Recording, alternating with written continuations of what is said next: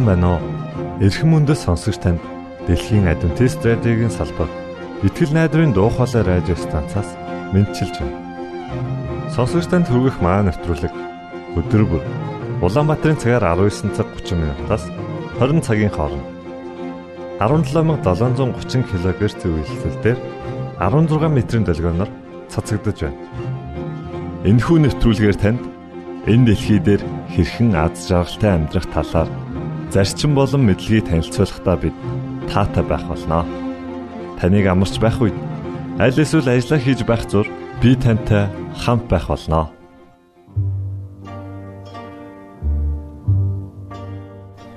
Энэ удаагийн нэвтрүүлгээ бид Silent Night хэмээх дуугаар эхлүүлж байна. Харин үүний дараа X үзлэл нэвтрүүлгийн цуврал дугаарыг хүлээн авч сонсноо. Ингээд хөгжмөдөө Bye.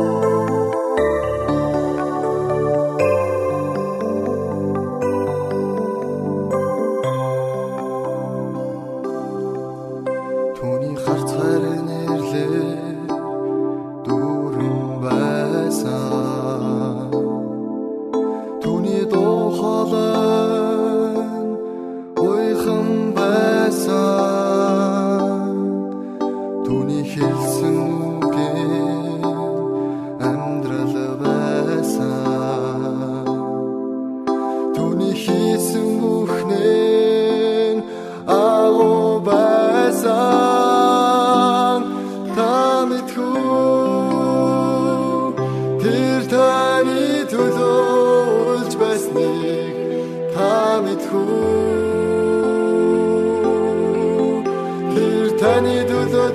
сууна.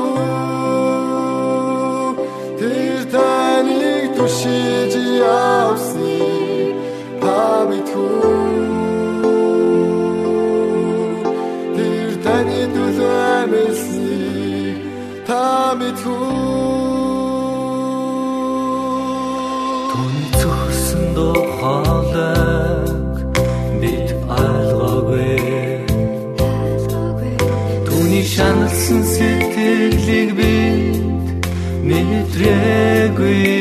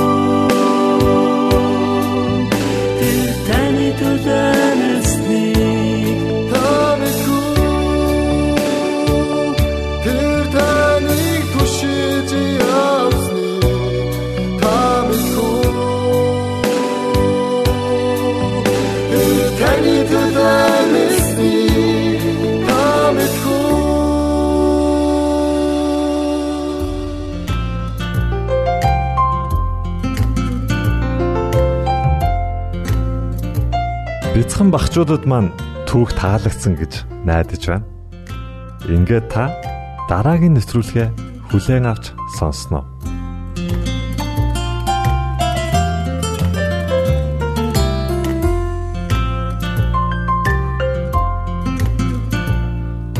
Гимшлийн үчил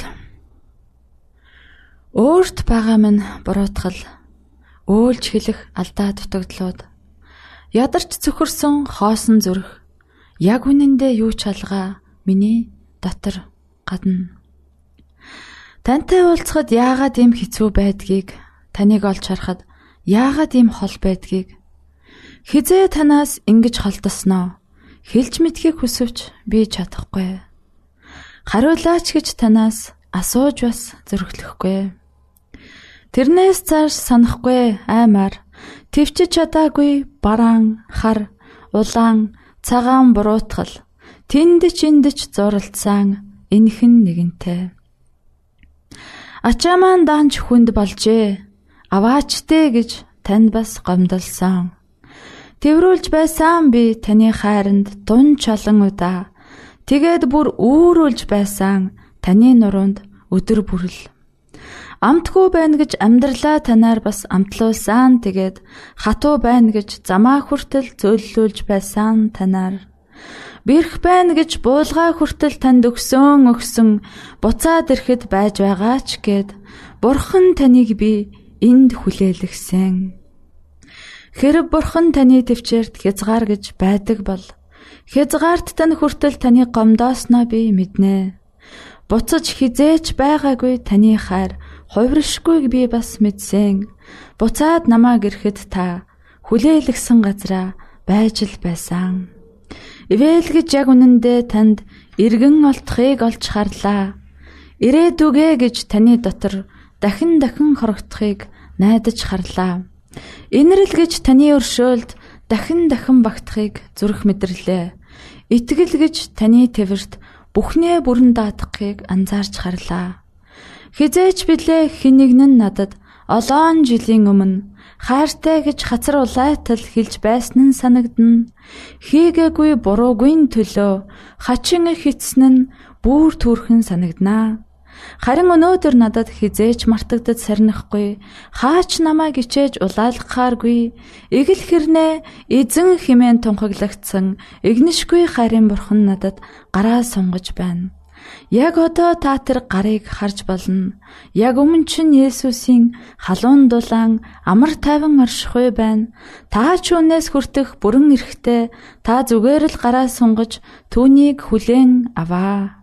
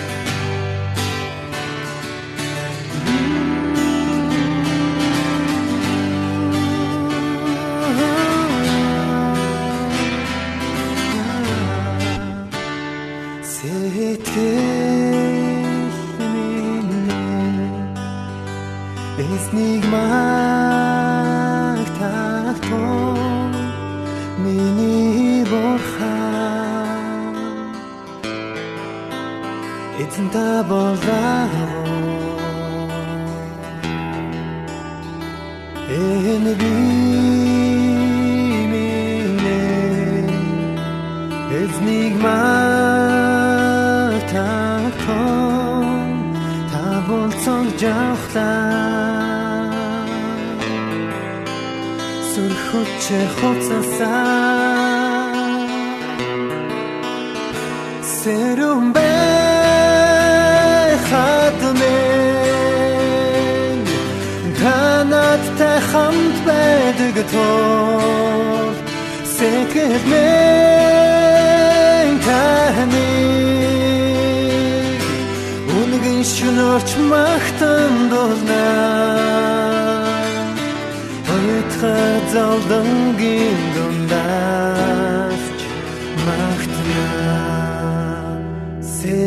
kendimine Esnigma tahtom mini borcha Etin tabol dago En bir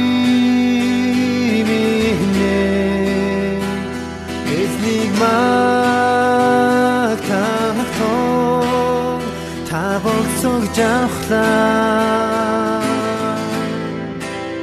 сүрхүчээр хоцолсаа Сэрүм бай хатмэ Канаттай хамт байдаг тоо. Сэтгэл нэ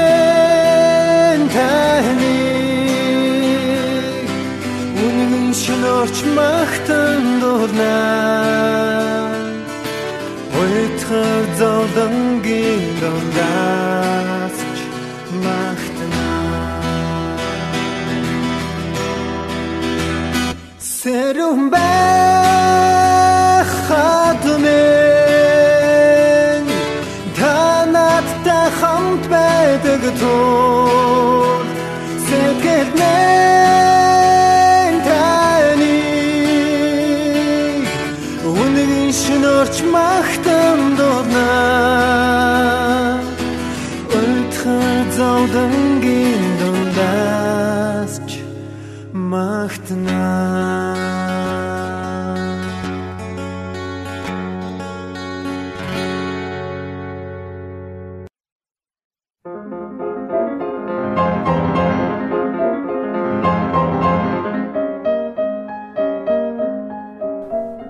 зохиолын цаг.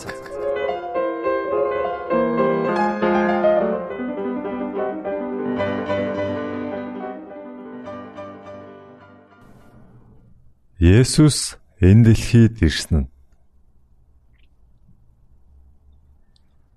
Галилийн уул толгодын дунд аших Назар хэмээх бяцхан суурьнд Йосеф Мари хоёр амьдран суудаг байв. Тэд Есүсийн дэлхийд ирэх эцэг эх нь болох болно. Йосеф бол Давид хааны удам. Тэр цагт Ромчууд ард иргэдээс татвар авах тушаал гаргахад Давидын хот болох Бэтлехэм рүү татвараа төлөхөөр Йосеф явах болжээ. Тэр цагт нааш цааш аялна гэдэг амар хэлбэр байсангүй. Мария нөхөртөөгөө Бэтлехэм явах Барта төгсүр замаар явсаар ихэд ядарчээ. Хөөхий бүсгүй тухтай сайхан амрах газар хүрсэн гэж хичнээн хүсэж байсан бол харамсалтай нь оцсон газарт нь дэм буудлууд хэдийнэ дүүрсэн байлаа. Баян эрх мэдэлтэй нэгэнд тогтой сайхан газар олдож байхад хөөхий энхүү даруухан аялагчд малын сарвч нь хоноглохоос өөр аргагүй боллоо.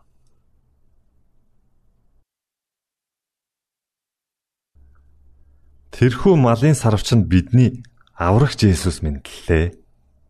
Ээж Мариан хүүгээ малын твсэнд хэвтүүлв. Ийхүү даруухан твсэнд сүр жавхлангаараа Тэнгэрийг гүйвлэгч дээд бурхны хүү нойрсож байлаа. Есүс дэлхийд ирэхээс өмнө Тэнгэрлэгч нарын удирдахч байсан. Юутай ч зүйрлэшгүй агуу гэрэл гэгээ цацруулсан Тэнгэрлэгч нар Есүсийн алдар суг магтан тунхаглаж байлаа хаан Есүсийг сентиндээ сох үед Тэнгэр элч нар бүгд нүрээ халахлан мэхийн асалдаг байжээ. Тэд түүнийг хүндэтгэн титмээ хөлдөн тавиад түүний агуу хүч чадлыг багтан магтан дуулдаг байлаа.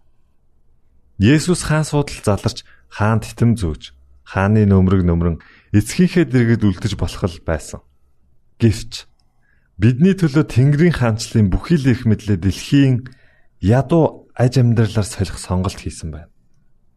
Есүс өөрийг нь хайрладаг Тэнгэрлэгч нар болон хаан судлаа орхих замыг сонгосон билээ. Тэрээр биднийг хайрлсан учраас хүнд бэрх амьдрал, ичгэвтер үхлийг хүлээн зөвшөөрчээ.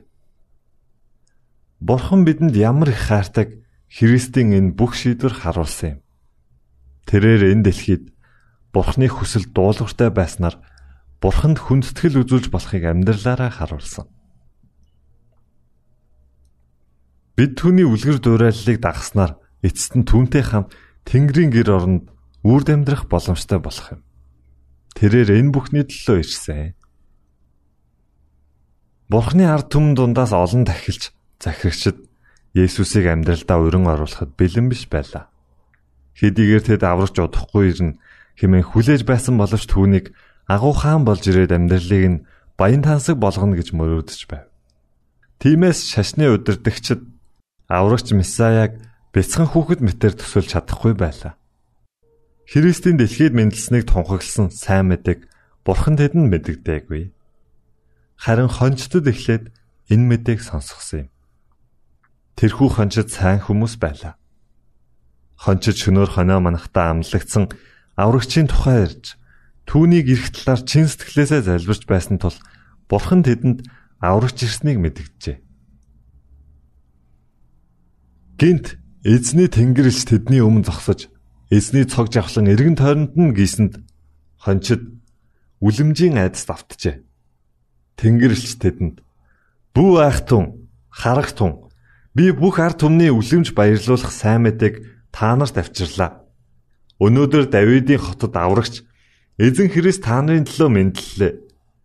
Тэжээлийн твшинд байх даавууд өлгийцэн нэлэх хүүхдийг та нар олж харна. Энэ нь та нарт тэмдэг болно" гэж хэллээ. Гинт өнөөх тэнгэрлэгчтэй хамт олон тооны тэнгэрлэг дайчид үзэгдэж бурхныг магтан дээр өндөрт алдарн бурханд байх болтугай.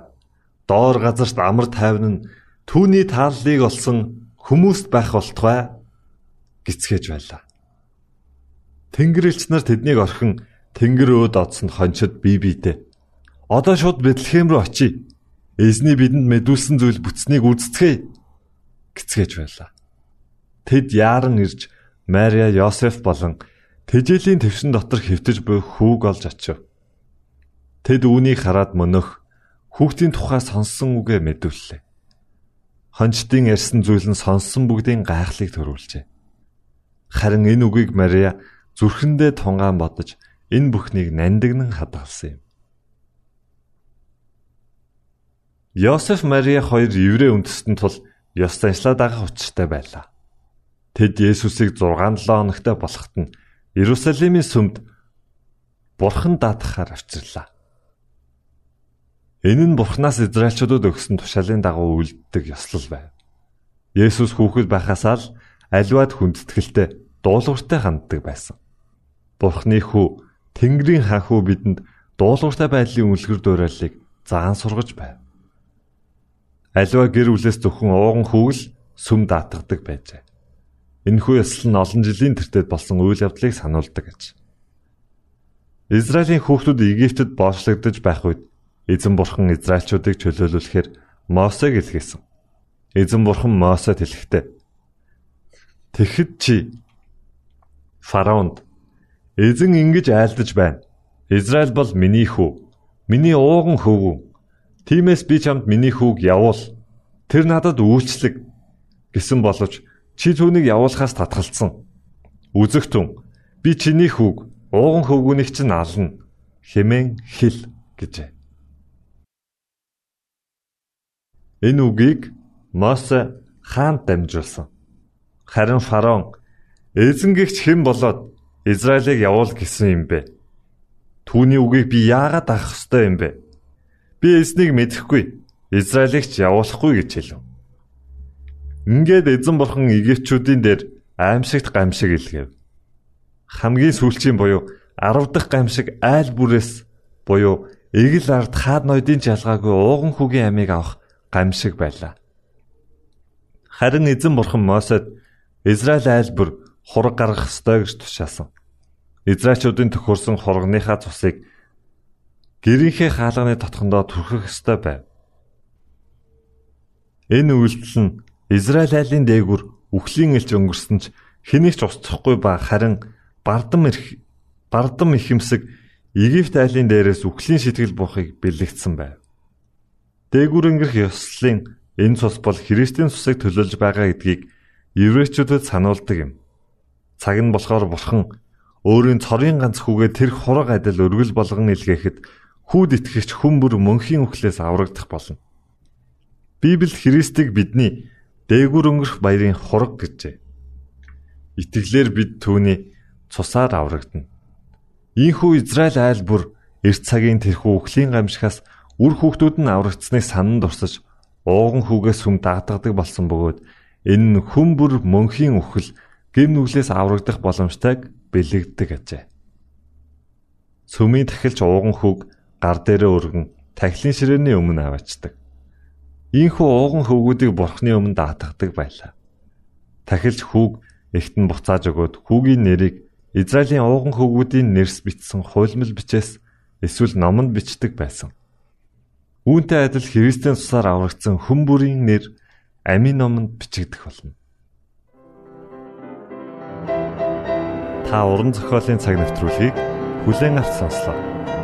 Дараагийн дугаараар уулзтлаа. Түр баярлалаа.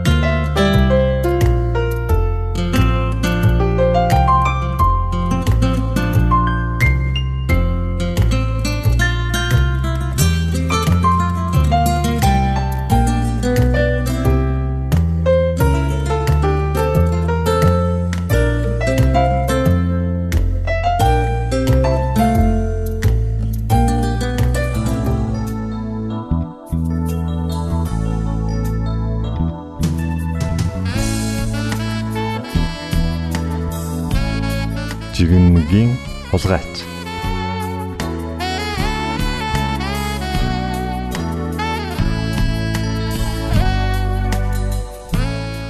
Онгоцны буудлын дээр нэг эмэгтэй өөрийн хуваарт хөлгийг хүлээн сууж байлаа. Онгоц нисэх хүртэл нилээд урт хугацаа байв. Тимээс онгоцны буудлын дэлгүүрээс нэг жигнэмэг, нэг ном худалдан авчээ. Ингээд өөртөө нэг судал олж авч суугаад номоо шимтэн уншихын зэрэгцээ хаяа нэг гараа сунган жигмнэгээ нэг нэгээр нь авч идэж байлаа. Хэдийгээр хамаг анхаалаа номдоо төвлөрүүлсэн байсан ч хажууд нь ирж суусан нэг залуу өөрийнх нь жигмнээс хээв нэг аван идээд байгааг анзаарахгүй байхаар байсангүй. Залуу хээв нэг идээд байхаар нь бүр дургүй нөхөрч эхлэв. Хэрвээ би боловсон хүн биш байсан бол энэ залууг нэг сайн дэлсээд авахгүй юу гэж бодож байлаа. Эмэгтэй жигнэг рүү гараа явуулах тоолонд залуу ч гэсэн ичгчгүй гараа сунгаж байлаа. Тэр хоёр инхүү уралдаж ицээр байгаад ганц жигнэмэг өлтөв. Бүсгүй. Одоо энэ яах вэ гэж бодож чамжаагүй байтал нөгөө айхтар залуу гараа сунгаад үлдсэн ганц өмнөгийг аван дундуур нь хоёр хуваагаад талыг нь эмхтээд өгөв. Залуугийн энэ байдалд хүүхний уур маш их хүрсэн ч арай хэж бие барьлаа. Яг энэ үед эмэгтэн явах чиглэлийн онгоц зорчигчдоо дуудан зарлаж эхлэв. Эмэгтэй залуугаас салахын төс болон баярлаж хурдхан босон цүнх намаа аван босчээ. Жигмнгийн хулгайч руу ч эргэж харсангүй. Ингээд онгоцсондоо ороод сандал дээрээ тухлан суугаад цүнх рүүгээ гараа явуулснаа дуу алдав. Учир нь онгоцны буудлын дээрээс авсан жигмэг нь цүнхэнд нь байж байлаа. Энд чинь одоо юу вэ? Энэ миний жигмэг юм бол яана гэж өөрийн ирэхгүй дуалтав. Залуу жигмэгийг нь дураараа авч идсэн эмхтэд юу ч хэлээгүйгээр барахгүй сүлийн жигмэгэ хүртэл хуваажээ. Уучлалтгүйхэд эцгийн арацныг ойлгож байна. Хүний имийг зөвшөөрөлгүй хээвнэг дураараа авч идсэн жигмэгийн хулгайч бол тэр өөрөө байлаа.